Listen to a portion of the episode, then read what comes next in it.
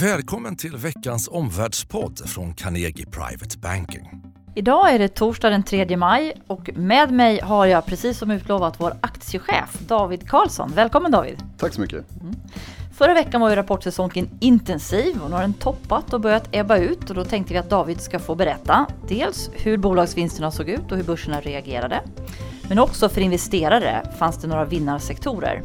Och sist, vad utlöste kronfallet och vad kommer härnäst?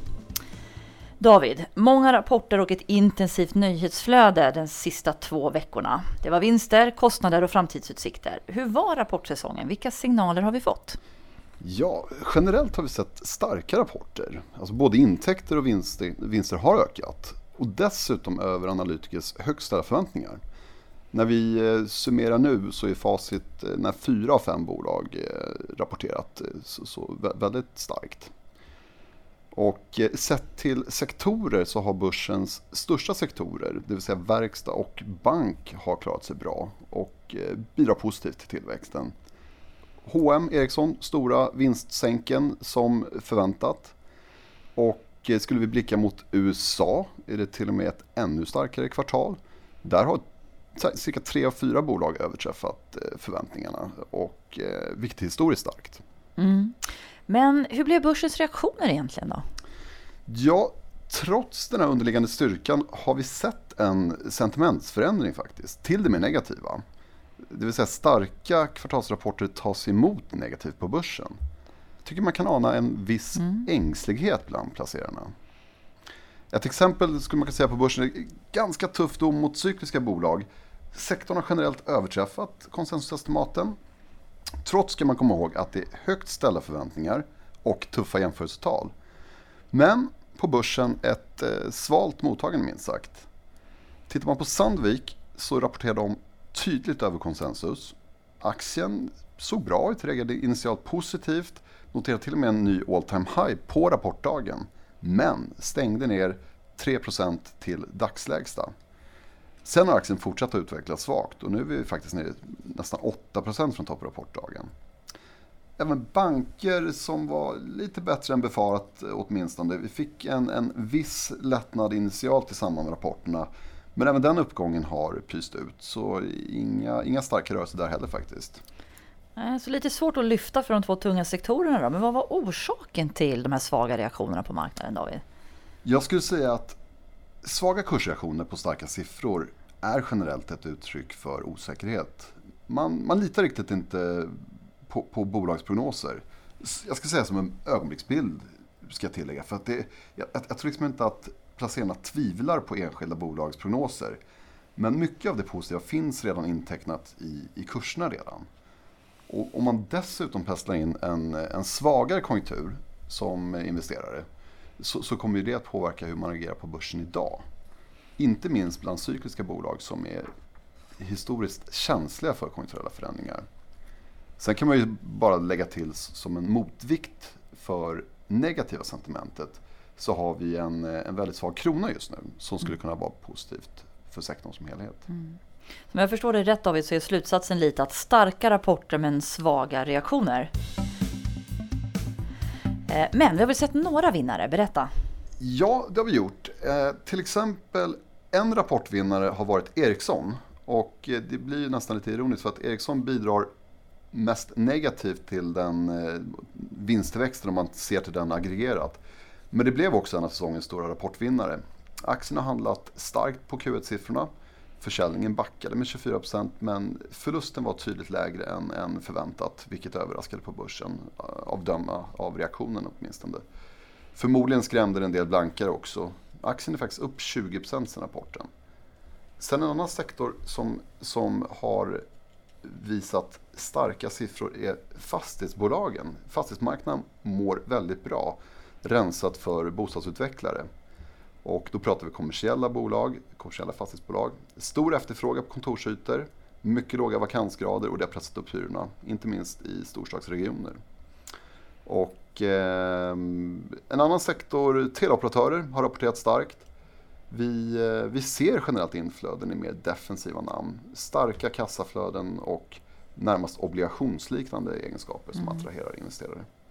Så starkt upp i Ericsson men också en positiv kursreaktion i kommersiella fastighetsbolag och operatörer. Och så slutligen då kronan som har fallit. Hela 8% mot både dollarn och euron i år. Och på slutet så har vi inte bara sett en kronförsvagning faktiskt utan också en förstärkning av dollarn.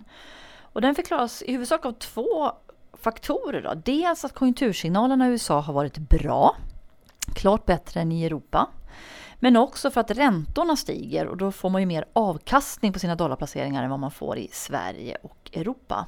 Och det är stora rörelser. Blickar vi bakåt till februari så kostade en dollar 8 kronor och nu kostar den nästan 9. Och halva det här raset då, det har faktiskt skett de sista två veckorna. Hela 50 öre av den här kronan då.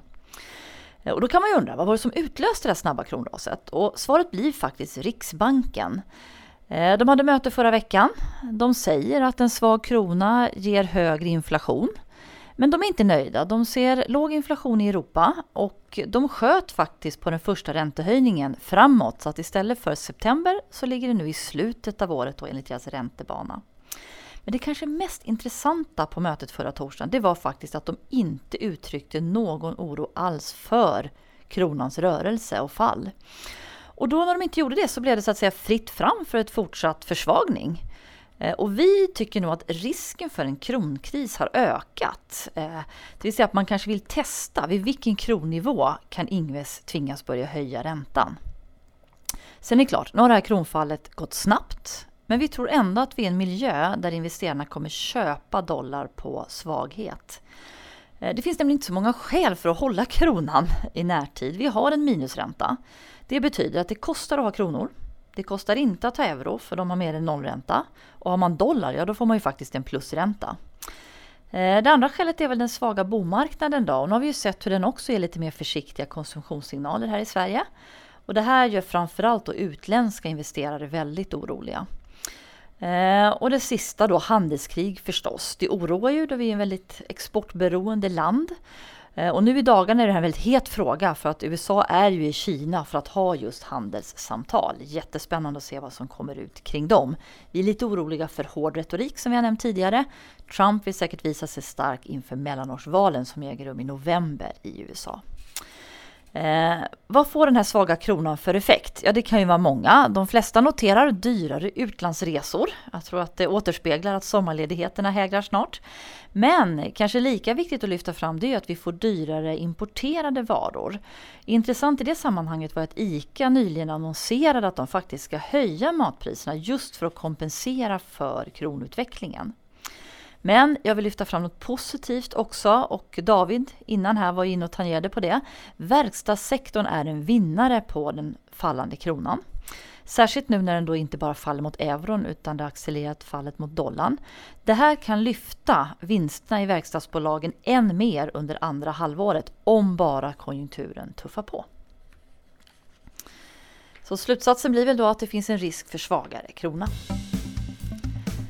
De tre slutsatserna från dagens podd de är nummer ett. Försäljning och vinster stiger mer än förväntat, men aktierna orkar inte riktigt lyfta. Två. Vi såg två vinnare inom defensiva sektorer. Det var kommersiella fastighetsbolag och operatörer.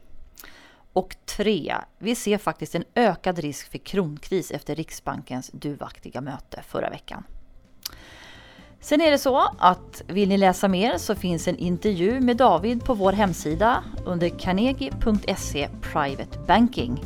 Och den här artikeln har rubriken Hård dom mot cykliska bolag, omvänt för defensiva. Och vi hörs först om två veckor.